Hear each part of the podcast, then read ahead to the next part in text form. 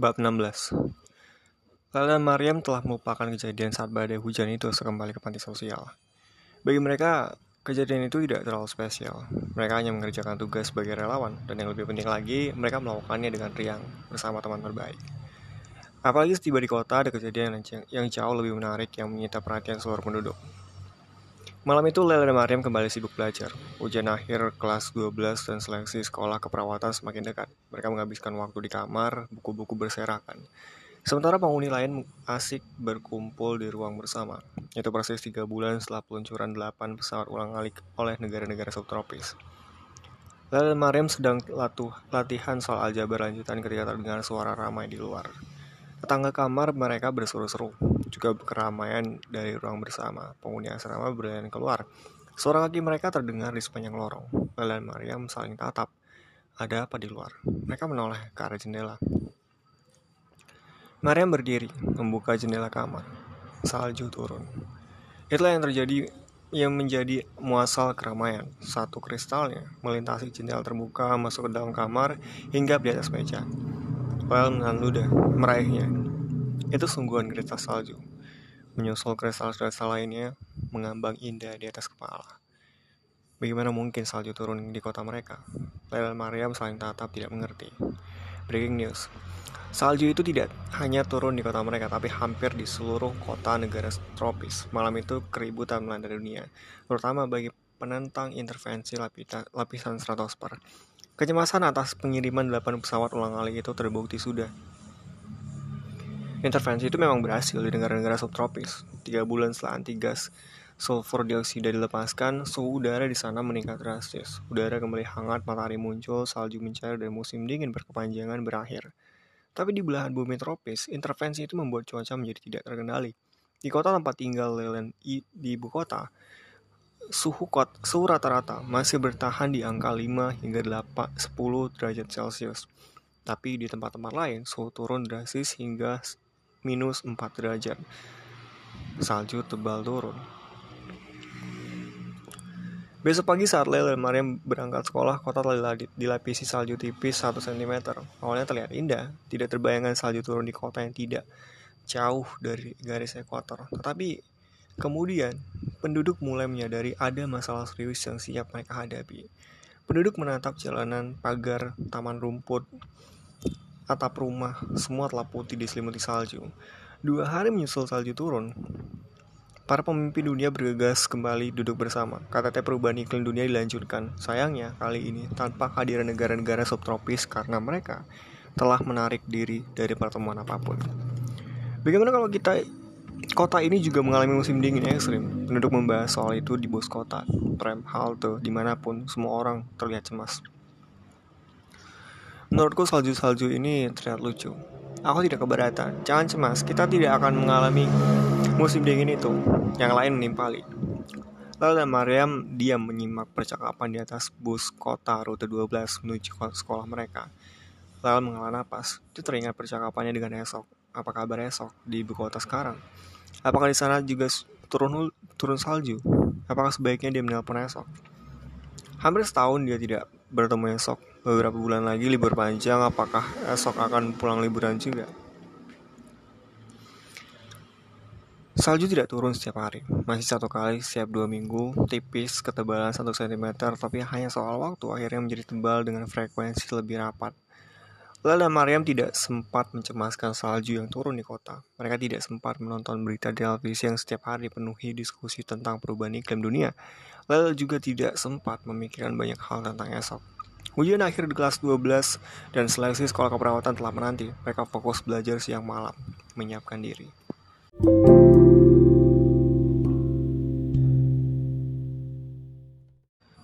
Dua ujian itu berhasil dilewati dengan baik oleh Lel dan Mariam pengumuman kelulusan kelas 12 mereka terima di sekolah. Papan pengumuman digital menuliskan ratusan nama yang lulus ada nama Lele Mariam di urutan ke-6 dan ke-7. Mereka terutawa lebar, sementara teman-teman yang lain ramai bersorak, saling memberikan selamat. Sorenya dengan masih diliputi sukacita lulus dari sekolah, Lena Mariam tiba-tiba dipanggil ke ruang kantor Ibu Suri. Seperti biasa, ekspresi dingin pengawas panti membuat dada mereka berdetak lebih kencang. Apakah mereka telah melakukan kesalahan? Kalian berdua terpaksa dikeluarkan dari panti sosial. Ibu Suri berkata dingin. Wajah Lel pucat dikeluarkan. Bahkan Mariam yang selalu cuek dengan kabar buruk ikut pucat. Apa salah kami, Bu? Mariam tidak terima. Bertanya dengan intonasi sopan mungkin daripada membuat masalah baru. Mereka lulus dari sekolah dengan nilai sangat baik. Apakah itu sebuah kesalahan? Kenapa mereka mendadak dikeluarkan? Hukuman paling berat bagi pelanggar peraturan. Ibu Suri memandang Lila Mariam berganti dengan tatapan tajam. Lel bahkan hampir menangis bagaimana jika dia sungguh dikeluarkan akan, diting akan tinggal di mana dia. Mereka tidak punya keluarga di kota ini. Kalian dikeluarkan karena kalian diterima di sekolah keperawatan. Kalian harus tinggal di sana selama sekolah keperawatan. Jadi dengan terpaksa aku harus mengeluarkan kalian. Lalu Maria belum mengerti. 15 menit lalu, aku baru saja menerima pemberi pemberitahuan dari sekolah keperawatan. Aduh, lucu sekali melihat wajah kalian. Ibu Suri tertawa. Wajah pucat Lel berangsur memerah. Maria menepuk dahi berseru. Dia juga dia sudah menduga Ibu Suri sengaja mengerjai mereka. Ibu Suri terkekeh membuat tubuh besarnya berguncang-guncang. Berita mereka berdua diterima sekolah perawatan menyebar ke seluruh panti. Kamar Lel dan Mariam sepanjang sisa malam tidak habis dikunjungi penghuni panti sosial. Mereka berdatangan mengucapkan selamat. Kapan kalian pindah? Salah satu penghuni panti bertanya anak perempuan berusia 12 tahun yang tinggal di lantai 6. Setelah liburan panjang, kenapa kamu bertanya? Jangan-jangan kamu merasa kehilangan ya? Mariam menyengir lebar. Tidak juga sih, aku bertanya hanya untuk memastikan kapan bisa menempati kamar kosong kalian. Bosan di lantai 6, aku harus naik turun tangga tinggi sekali setiap hari. Lalu tertawa melihat Mariam yang kesal, melotot mengusir anak itu segera pergi. Dengan dua kabar baik itu praktis sudah tidak ada lagi yang perlu dicemaskan Lele Mariam kecuali masalah liburan panjang itu sendiri. Mereka akan melewati libur panjang selama sebulan. Mereka punya banyak waktu kosong sebelum pindah ke asrama baru.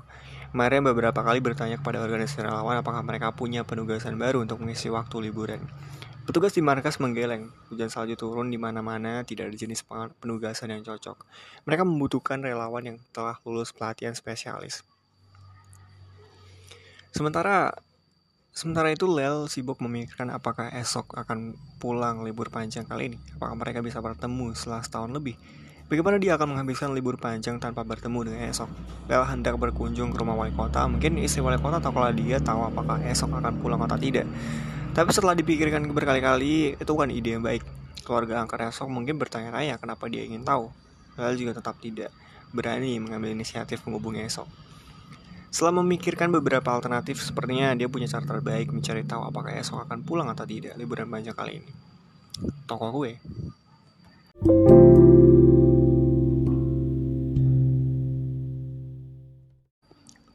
Siang itu sepulang dari markas organisasi relawan, sekali lagi Mariam datang ke sana untuk bertanya apakah ada penugasan untuk mereka dan dijawab belum ada. Soalnya, Lel mengajak Mariam yang masih bersungut-sungut ke toko kue ibu esok. Apa susahnya mereka memberikan penugasan kepada kita? Relawan lain yang baru lulus pelatihan dasar juga sudah ditugaskan.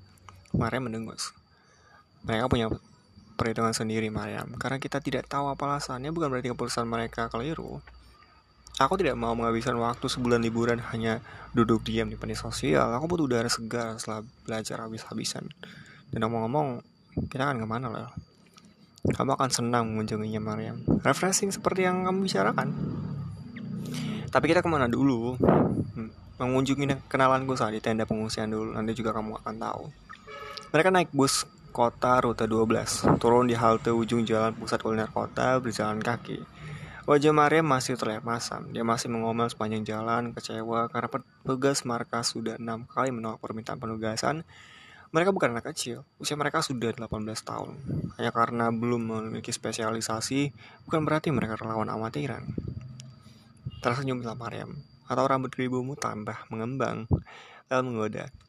Mariam mengembuskan napas, menatap toko-toko makanan di sepanjang jalan, sore hari, pukul 4 cahaya matahari, senja menyiram jalanan terlihat indah. Tambahkan aroma makanan yang menyergap hidung. Mariam mulai tersenyum tipis. Aku tidak tahu bahwa kota kita punya pusat jajanan sebagus ini.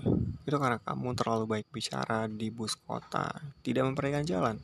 Lel tertawa. Mereka mengangkat bahu dan memang lebih suka mengobrol. Mereka tiba di depan toko kue. Kue. Kening Mariam terlipat.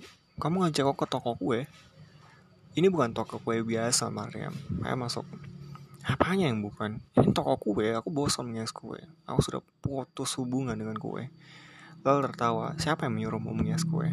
Kita mengunjungi kenalan lama, kamu akan senang berkenal dengannya, seorang yang sangat mencintai kue sepanjang misianya. Maria mengalah melangkah masuk, suara lonceng di daun pintu terdengar lembut. Kesan pertama selalu penting, dan Mariam terdiam melihat rak dipenuhi kue.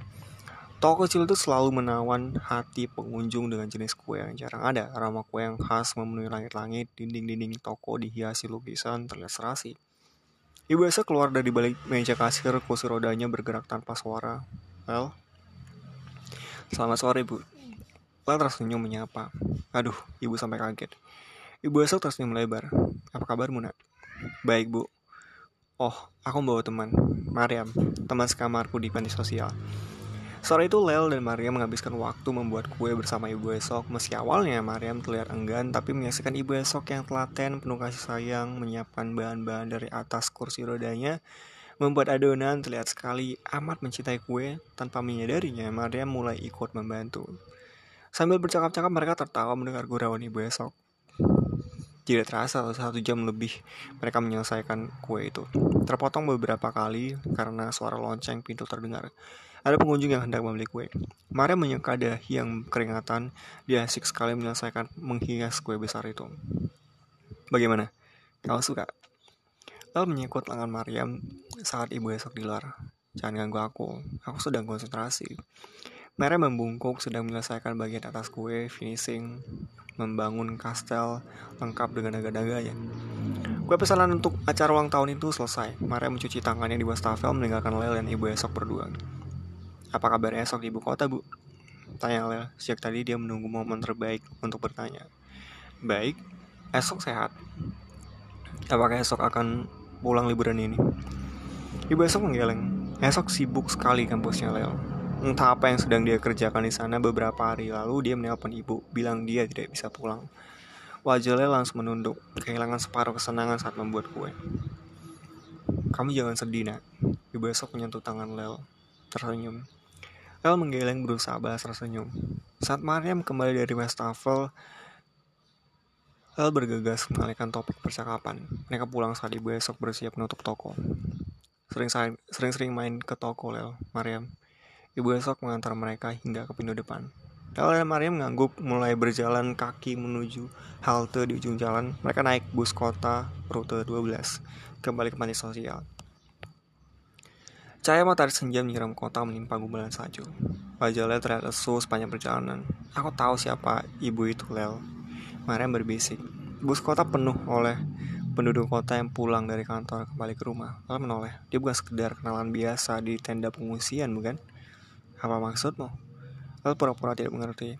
Dia ibu dari anak laki-laki yang menaiki sepeda merah anak laki-laki yang membuatmu kehujanan, anak laki-laki yang membuatmu meninggalkanku di acara pelantikan relawan, dan yang membuatmu sering melamun, ya kan? Mara menyeringai mengedipkan mata, menggoda Lel. Lel hendak membantah. Aku berani bertaruh tebakanku benar. Mara berkata lebih dulu demi melihat wajah Lel yang bersemu merah. Bus kota rute 12 terus melaju melintasi jalanan kota. Mariam cengar-cengir, senang melihat wajah Lel yang merah padam.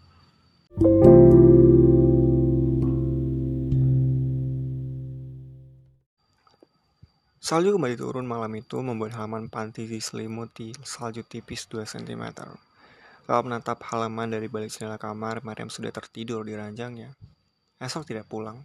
Itu kabar yang Lel terima dari ibu esok. Lel mengembuskan napas, semua jendela kaca berembun. Itu berarti kesempatan berikutnya dia bertemu dengan esok adalah tahun depan. Itu pun kalau esok pulang. Apa yang sedang dilakukan esok di kota sana? Apakah dia sebaiknya menelpon esok, bertanya kabar, Urusan ini kenapa belakangan membuatnya tiba-tiba sedih tanpa sebab? Tiba-tiba malas tanpa alasan. hatinya mudah sekali berubah. Bagaimana dia akan melewati liburan panjang tanpa kesibukan apa pun? Itu akan membuatnya semakin sering memikirkan banyak hal tanpa terkendali. Lalu mengembuskan napas sekali lagi, lalu beranjak naik ke ranjang atas saatnya memaksa matanya tidur meski dia tidak mengantuk. Kemarin di ranjang bawah sudah telap Selimutnya jatuh ke lantai. Pemanas ruangan bekerja dengan baik, suhu dingin di luar sana tidak terasa. Esoknya Lele Mariam bangun kesiangan hingga pengawas lantai mengetuk pintu kamar. Ada apa? Bukankah ini hari ini libur? Mariam membuka pintu sambil menyipirkan mata. Ada telepon untuk kalian dari markas organisasi relawan. Kalau hanya untuk memberitahukan tidak ada penugasan untuk saja teleponnya. Aku sudah bosan bicara dengan mereka. Mariam jawab ketos. Mariam. Pengawas lantai melotot. Dia tidak segalak ibu suri, tapi tetap saja berkuasa atas satu lantai. Pengawas itu memberikan gagang telepon kabel. Lel yang menerimanya menekan tombol, layar hologram terbentuk di atas gagang telepon. Pukul 9, markas organisasi lawan sudah ramai jam masuk kerja. Selamat pagi, Lel. Petugas yang dulu menyeleksi mereka terlihat di layar hologram tiga dimensi menyapanya. Selamat pagi. Lel mengangguk. Kalian baru bangun. Oh, aku lupa. Kalian baru panjang sekolah. Ada Mariam di situ. Ya, Mariam ada di sini. Bagus.